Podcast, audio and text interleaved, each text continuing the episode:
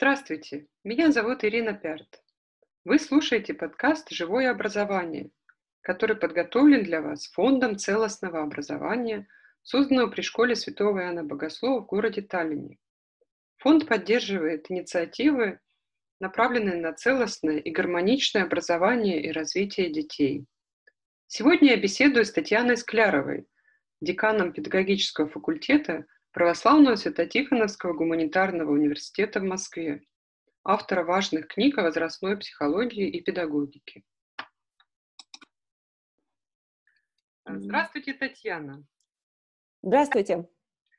Татьяна, расскажите, как пандемия повлияла на вашу работу как руководителя педагогического факультета, на ваш коллектив, на преподавателей, на студентов? Ну, если говорить э, о моем э, восприятии, э, я догадываюсь, что восприятие руководителей, восприятие людей, которые вынуждены работать э, в коллективе, оно, наверное, как-то отличается. Так вот, э, мое восприятие как руководителя, оно удивительным образом, вот самые первые дни было таким, э, дорогие, я вам об этом говорила, вот оно наступило то, о чем я вам говорила. А э, восприятие моих сотрудников, э, коллег, оно было таким, что, э, ну, простите, накаркало, да, так сказать, вот. То есть я поняла, вот конец первой недели перехода на дистант, я поняла, что на самом деле наиболее такой как бы мощной устойчивостью обладает та картина мира, которая есть у человека. Вот она у него сложилась в течение всей его жизни – и что бы ни случилось э, в окружающей действительности, он все равно, опираясь на вот эту свою онтологическую сказать, основу, он воспринимает то, что происходит. И вот как люди, которые э, там несколько лет назад рассказывали мне, что невозможно учиться педагогике и психологии в дистантных формах, они и продолжают считать сейчас ровно так же. Как я много лет назад понимала, что э, будущее образование в Э, вот во всем том богатстве инструментария цифрового, который предоставляет нам, так сказать, сейчас возможность технологическая, так я еще больше укрепилась в том, что вот э, этим нужно заниматься, с этим нужно знакомиться, это нужно осваивать, тратить на это время и ресурс для того, чтобы вот э, образование сейчас опиралось на современные инструменты. Вот речь идет просто об инструментарии.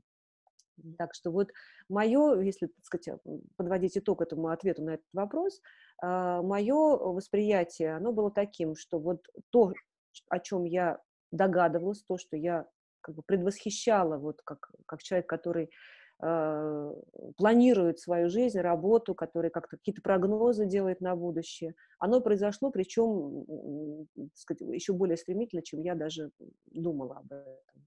Вот, так что вот такое вот восприятие произошедшего.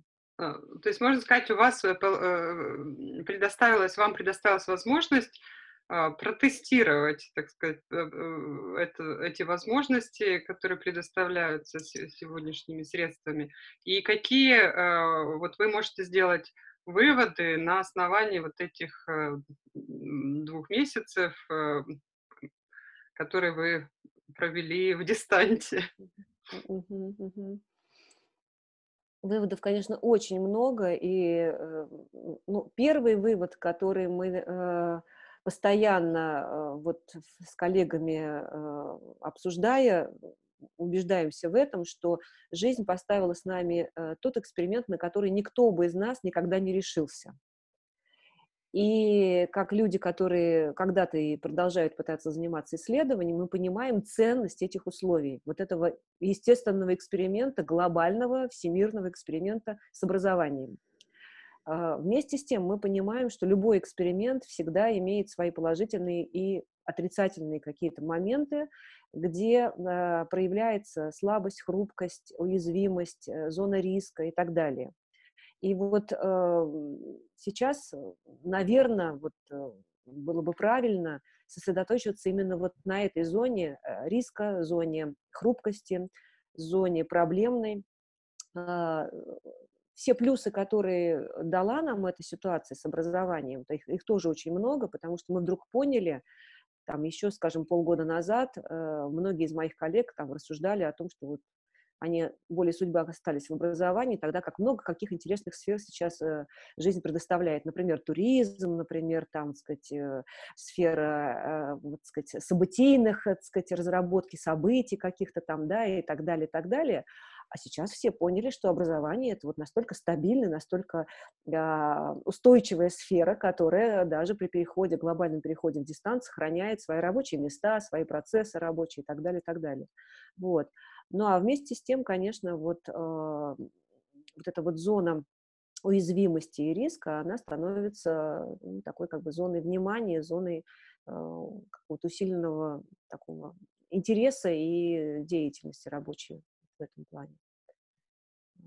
Ну, такие выводы, они как бы тоже, как мы с вами договаривались, такого глобального метауровня, потому что в детали можно сейчас, если погружаться, то об этом можно, сказать, нам 40 минут точно не хватит, даже по несколько раз, потому что очень много всяких деталей, связанных со своими инструментами, с новыми форматами коммуникации между педагогами, между руководством, с руководством или, например, э, там, с детьми, с родителями. Вот очень много, тут прям целое направление открывается, то есть мы по-новому и мы поняли роль семьи в образовании ребенка, и семья поняла свою задачу в образовании собственных детей.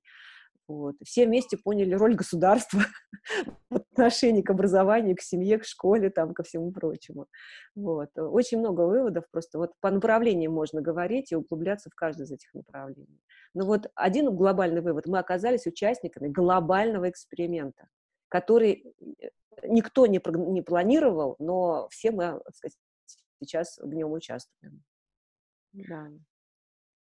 А вот скажите, эм, у вас ведутся э, сейчас беседы и эм, обсуждения э, того, в какой форме вы э, возвращаетесь, эм, так сказать, назад в обычные, привычные рабочие условия, учебные условия, и какие формы вот уже выработавшиеся вот за это последнее э, время, вы будете продолжать применять формы обучения, общения. Опять я, я могу сказать по э, своему э, с, э, сказать, профессиональному сообществу, в котором я работаю, и вместе с тем я слежу за тем, что происходит с коллегами. У меня очень такой э, хороший э, профессиональный сказать, контакт с моим коллегой, и я его называю таким старшим товарищем по науке, Александр Сидоркин, который э, возглавляет педагогический колледж в Америке. И так как у них эта волна пошла на две недели раньше, чем в России, то есть и вход в, вот, в, сказать, в дистанционные форматы обучения и переход на жесткие условия карантина, вот, то я, конечно, постоянно э, мониторю ситуацию, о чем сейчас пишет и говорит Александр Сидоркин, как декан факультета педагогического, как человек, который понимает, что вот э, педагогическое образование – это некое связующее звено между школой и там, вузами. Вот, и э, вот он какое-то время назад уже полный план, вернее, не полный план, а схему того, как им предлагают выходить из карантина, он предложил. А, я стала примеривать на свои условия, поняла, что вероятнее всего у нас будет что-то отличающееся от их варианта.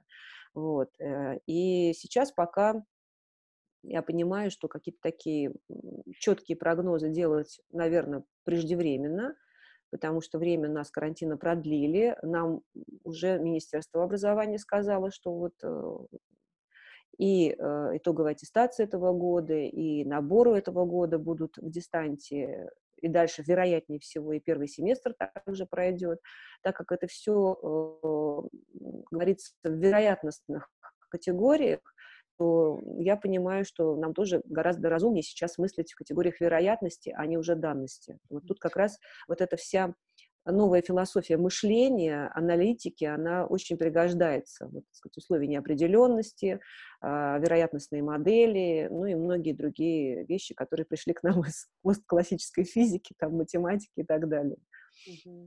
Очень интересно. Мне кажется, нам действительно сейчас э, не хватает э, а, моделей, вот метауровня для того, чтобы осмысливать события. И вот в связи с этим мне хотелось вас спросить о том, какие э, концепции современного образования а, предлагаются сегодня а, в России. и эм, вообще есть ли такие концепции, вот, и эм, как вот э, эта ситуация, скажем, на эти концепции повлияла или не повлияла? Ну вот, да, я, думая на то, как отвечать на этот вопрос, а, для себя определила следующую, э, как бы, схему, именно такую методологическую, да. То есть образование само по себе- это явление культуры, то есть это часть культуры, а, такая достаточно весомая составная часть культуры. Дальше, когда мы рассматриваем образование- это что, это что за явление, мы понимаем, что так как культура, э, это широкий спектр разных, а, направлений, да, так сказать, вот есть массовая культура, есть элитная культура, есть профессиональная культура, есть религиозная культура и многие другие. Так и образование, являясь частью культуры, не имеет единого концепта, что вот образование- это вот то-то, то-то, да. Оно является продолжением, а, воспроизводства той или иной культуры. То есть что такое образование? Это некая прикладная функция культуры. Как ее сохранить, как ее передать, как ее транслировать, если говорить вот так вот, э, обобщенно. И тогда получается, что, э, концепция образования тоже не 1, не 2 и, так сказать, может быть, даже не 10. Это будет зависеть от профессионального сообщества, там, скажем, врачей, инженеров, э, я не знаю, вирусологов, как сейчас понимаем, мы понимаем, да, это э, не часть биологии или там медицины, это отдельное направление, как выясняется, э, где тоже много разных школ, там, подходов и так далее. Вот. И в этом отношении можно что сказать на, вот именно на метауровне, что образование, являясь частью культуры, всегда имеет э, в своем как бы вот основании, в своем фундаменте и философию, и экономику. И э, философия- это кого учить, чему учить, с какой целью учить, э, какие результаты нужно ожидать или на них работать. А экономика- это кто за это будет платить? Простите мне такой вот прагматичный ответ, потому что если не будет экономического базиса, вся философия образования очень быстро э, пропадает. Ровно потому, что даже не сохраняются, там, не знаю, сайты или библиотеки, где уже написано, кого учить, чему учить, как учить. Не поддерживается система передачи этих знаний, которые мы понимаем, это как раз система образования, да, так сказать, вот, и так далее. Вот. И в этом плане как раз вот, э, вот эти вот два основания любого образования, философия и экономика, они нам показывают, что востребовано, что поддерживается, что дает результаты, а что уходит в небытие.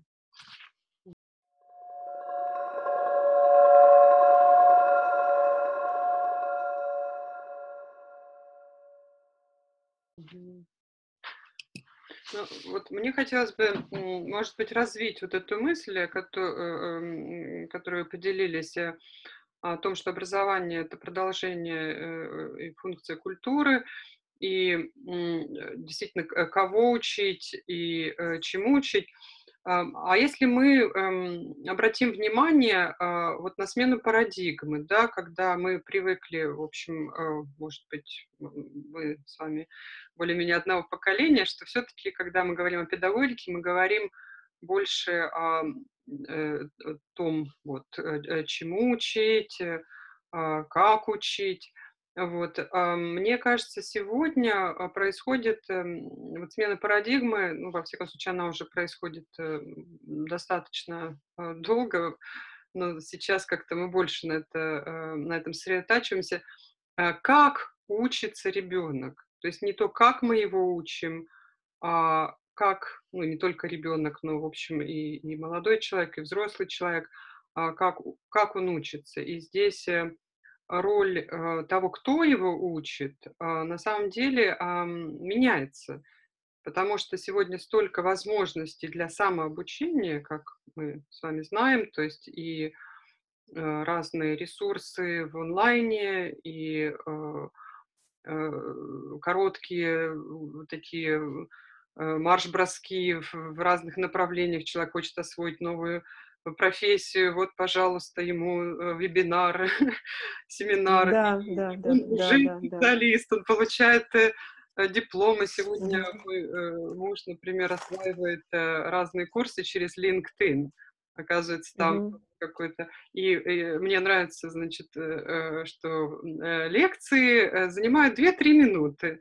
Вот, можно освоить да. целый курс за буквально полтора часа и даже получать сертификат. Вот, то есть вот эти возможности самообучения эм, выросли эм, очень сильно в последнее время, поэтому мне хотелось с вами поговорить, вот как мы, как педагоги, э, отвечаем вот на э, это изменение. То есть, когда меняется акцент с э, носителя э, знаний на э, того, кто, в общем, эти знания может сам осваивать и Э, в общем, находить формы, которые ему больше подходят. Да.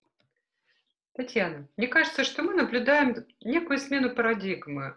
Все чаще говорится не о том, кто и как обучает, а кто и как обучается.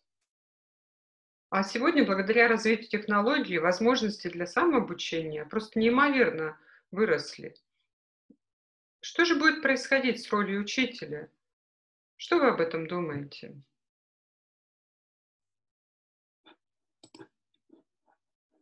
Да, но здесь, вот э, здесь как, как никогда нужно различать э, две категории обучающихся. Это все-таки категорию детей и категорию взрослых. Да, вот эта вот э, концепция lifelong learning, да, что мы до, до конца жизни обречены на обучение. Э, вот, и нам даже объясняют, что, сказать, если мы это будем делать хорошо, Альцгеймер нас не догонит. Вот. Но это уже речь идет о взрослых людях, у которых э, есть свой мотив для того, чтобы учиться. Куда идти учиться, чему учиться, как учиться и как, вот, как бы, что называется, засчитывать результат. Сертификатами ли его засчитывать этот результат, либо новыми компетенциями, либо новым уровнем, там, я не знаю, понимания, владения языком, там, техникой и так далее. Вот. Э, это все о взрослых, это отдельно можно говорить, вот как сейчас взрослые продолжают свое обучение, развитие, поддерживают себя. Если мы обращаемся к категории детей, мы должны понимать, что мотив для деятельности у ребенка, чем он меньше, этот мотив ему не принадлежит чаще всего. Этот мотив он вырабатывает в взаимодействии с взрослым человеком. Это принципиальное отличие. То есть взрослый, решая вопросы, куда он идет и как учиться, он внутри себя создает вот эту мотивационную площадку, а потом уже подыскивает тех, кто ему поможет реализовать этот мотив. С ребенком немножко иначе. Ребенок рождает этот мотив в содружестве с взрослым человеком. И в этом отношении фигура взрослого э, обладает такой ценностью, которой ни один гаджет, никакие информационные технологии и прочие э, технические навыки, и, так сказать, умения и инструменты не заменят никогда. Вот это сейчас показало, как никогда эта ситуация с пандемией, с переходом, что э, взрослый как носитель смыслов, как носитель культуры, как носитель вот этих целей, для чего мы вступаем в взаимодействие, о чем мы сейчас будем говорить, чем мы закончим наш разговор, он является определяющим. То есть вот он, э, как сказать, демиург вот этой технологической всей вселенной, и в зависимости от того, а, каковы его мотивы, его цели взрослого человека, чему он готов научить, как он хочет это делать и планирует это делать, вот э, в зависимости от этого и выстраивается вот эта культура педагогического взаимодействия с ребенком. Э, и здесь э, смыслы, которые дает взрослый человек, которые он сам для себя считает личностно значимыми, являются определяющими. Вот. А все остальное дело техники, да, уже мы понимаем, что вот эти инструменты, которые, да, вот Zoom не разрешает больше 40 минут проводить совещание, э, видео воспринимается, ну, максимум 3 минуты, а потом, так сказать, внимание ослабевает, и поэтому можно, конечно, что-то говорить дальше, но ты понимаешь, что эта твоя речь э, попадает в слепую зону, то есть слушатель не воспринимает то, что ты говоришь там после третьей-пятой минуты. Вот. И люди, которые это уже усвоили, они делают маленькие, то есть они часовую лекцию разбивают на там, полутора-двухминутные сегменты, вот, так, чтобы память это и внимание работало, так сказать, эффективно. Вот. Так что в этом отношении у меня оптимизм педагогически крепнет просто-напросто от того, что нужны педагоги, нужно учить искусству педагогическому, нужно учить человека тому, как вступать в действие с ребенком, как его мотивировать, как удерживать его внимание, как ставить вместе с ним цели, достигать их. Да, это эм, очень важно. Э, спасибо большое. Вот если говорить о мотивации и как удерживать внимание ребенка, то часто э, педагоги сталкиваются с тем, что образование э, превращается в то, что в Англии, эм, вернее, в английском языке называется edutainment. А, то есть это education и entertainment, образование mm-hmm. и развлечение. И mm-hmm. особенно в, эм, в рамках вот э, дистант обучения приходится пользоваться разными формами, эм, в которых ребенку все-таки интересно э, эм, изучать какие-то сложные вещи. Э, вот скажите, а как вы к этому относитесь и какой должен быть баланс вот между образованием и, и развлечением? образовательным развитием. Да, да, да, да, да, это очень актуально, да. А, знаете, вот эм, исследования 21 века, вот буквально начиная с 2000-х годов, видимо, там тоже технически стали возможны а, такого рода исследования гормонального состояния организма, вот связи между мыслительным процессом и гормональным а, вот этим гормональным состоянием организма, ребенка в том числе, да, они стали просто вот валом выдавать совершенно новые данные а, о том, как связана физиология человека с его когнитивными процессами. А, то, что для меня стало очевидным. Опять же, я не претендую на то, что вот это единственное правильное, потому что все эти научные данные, которые сейчас, вот, сказать, э, просто вот валом каждый день появляются новые новые данные, там, исследования и всего прочего, да, э, здесь у каждого исследователя, я думаю, срабатывает тот же самый механизм. Либо я принимаю это как там, на веру, как в работу, да, либо я говорю, нет, что-то подозрительное, иду дальше. Так вот, я как раз из, из категории тех людей, которые вот с этой э, линией, с этим трендом в науках о психологии и нейрофизиологии согласна, и я их беру в основание своих дальнейших мыслей. Какие это данные? О том, что только в состоянии удовлетворения, а еще э, точнее радости, возникают новые связи в коре головного мозга те самые нейронные связи, которые выстраиваются, которые есть суть, то есть вот физиологический механизм обучения, это построение новых э, связей э, между нейронами. Вот эти связи строятся только тогда, когда человеку хорошо, когда он удовлетворен, он рад. В ситуации э, тревоги, а уж тем более опасности, а уж тем более агрессии, не строятся новые нейронные связи все эти разговоры о том, что во время экзамена мы вспоминаем что-то, что, так сказать, когда стресс, что мы не могли вспомнить в других условиях, это резервные функции организма. Это другая история. То есть у него уже мы можем вспомнить только то, что когда-то мы выучили. И просто в ситуации, а, ну, так сказать, опасности иногда это происходит, и мы вытаскиваем, что-то мы такое можем сделать. Но реально вот приобретение нового опыта – это ситуация позитивного состояния э, психики. А значит, если нам интересно играть со стороны детей, и это позитивно, это рождает радость, то вот в этой деятельности игровой формируются новые э, связи, так сказать, в коре головного мозга. Главное, чтобы они сформировались. В прыжке ли они формируются, в спектакле ли они формируются, в процессе игры какой-то другой они формируются. Вот это уже дело вот искусства, там, а, техники, методики, вот. Но новый опыт, новые знания, они э, вырастают в благоприятной среде. Вот это ключевая позиция. А дальше уже тоже вот точно так же мы смотрим, что сейчас э, наша культура, наша техника может предоставить в качестве инструментария. Да, вот эти игровые приставки, да, этот азарт игры, взаимодействия, соперничества, там, не знаю, конкуренции, он рождает какую-то вот ситуацию интереса удовлетворения. Ну, почему бы нет?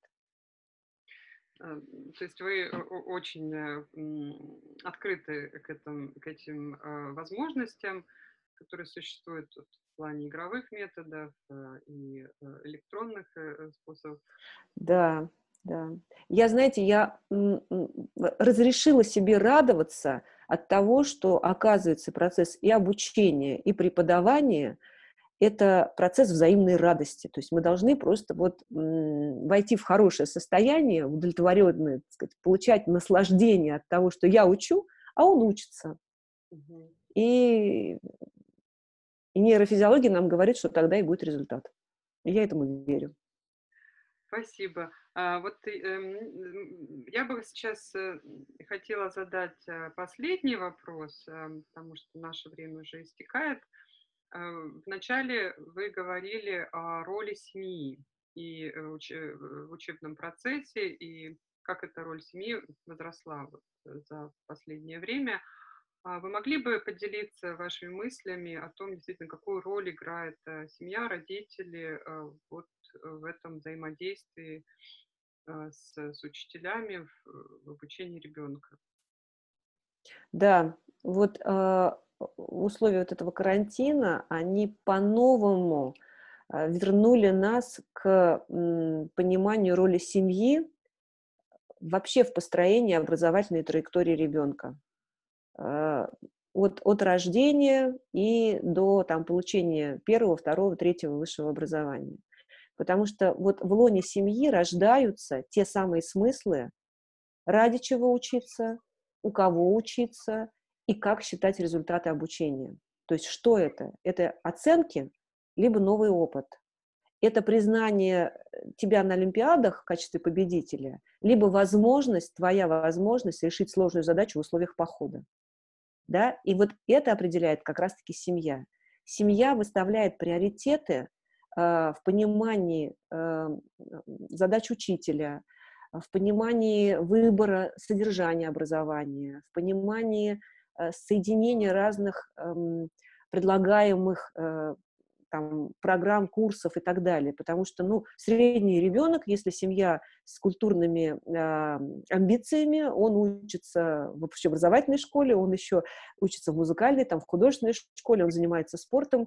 И вот дирижирует всем этим процессом обучения кто-то из членов семьи, чаще всего мама, да, то есть, как сказать, она понимает, куда, сколько мы тратим времени, э, значит, э, э, какие ресурсы семьи мы вкладываем там в музыкальное образование ребенка, либо какие-то другие, так сказать, образовательные еще его активности. И те семьи, которые я все-таки считаю, что если есть ребенок, семья все равно так или иначе э, имеет какой-то э, план его обучения.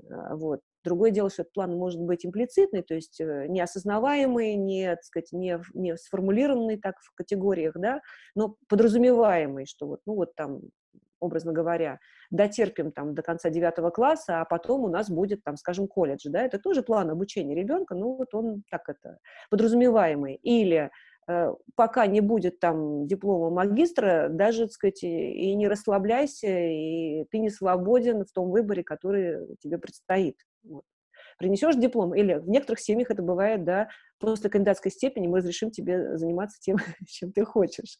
Вот. В этом отношении семья определяет и цели, и ценности, и содержание образования, и его результаты, удовлетворенность, удовлетворенность результатами. И, конечно же, семья сейчас, как выяснилось, семья сейчас еще должна была обеспокоиться, если она это не сделала, то ее просто размазали все эти вот э, предложения извне, да, так сказать, там, даже хореографы говорят, что вот выходите в Zoom, сейчас будем танцевать, да, так сказать, и так далее. Вот, и вот семья как раз сейчас еще определяет, э, ну, как сказать, агентов образования, инструменты образовательные и э, затрачиваемый ресурс, временной ресурс, там, финансовый ресурс какой-то другой, э, который делает ребенок. То есть вот по большому счету сейчас семья оказалась главным заказчиком, главным потребителем и главным как сказать, э, контролером получаемого, э, контролирующей инспекции получаемого образования. Потому что государство еще у нас, по крайней мере, не определилось, там, будут ЕГЭ, не будут, когда они будут, так далее. И вот если семья имеет этот план, и э, в состоянии, называется, как бы задавать его и ориентировать ребенка, я надеюсь, у такого ребенка будет меньше стресса и более устойчивая психика в понимании того, что он делает и чего он не делает сейчас. Мне кажется, если вот этого в семье еще не произошло, нужно срочно именно этим заняться. То есть поставить тот, э, те цели реальные, те задачи э, обозначить и сказать, что вот мы работаем в том-то направлении, а вот в этом направлении вот пока, пока движемся. Или движемся в два раза медленнее, чем нам предлагают со стороны это сделать. Спасибо. А, это как раз очень важно услышать нашим слушателям. И я думаю, мы должны э, закончить наш разговор, но я уверена, что мы вернемся к этим темам в будущем. Да, да, да, спасибо. Через э, пару месяцев э, узнаем действительно, смогли ли мы достигнуть наших целей за это время. Большое спасибо да, да. и желаю вам... Вам спасибо, Ирина, да. Досидеть карантин благополучно. Да, точно. Я Всего всех благ, до свидания, да.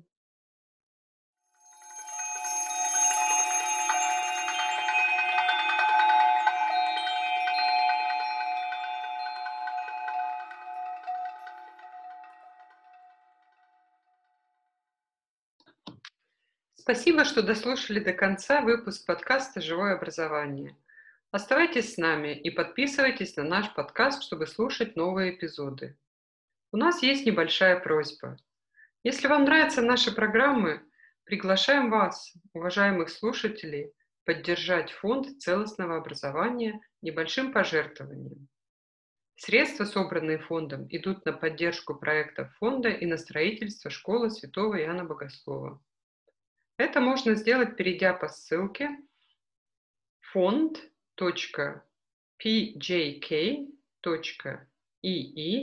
slash поддержи нас P O D D E R Z H I тире нас N A S. Большое спасибо.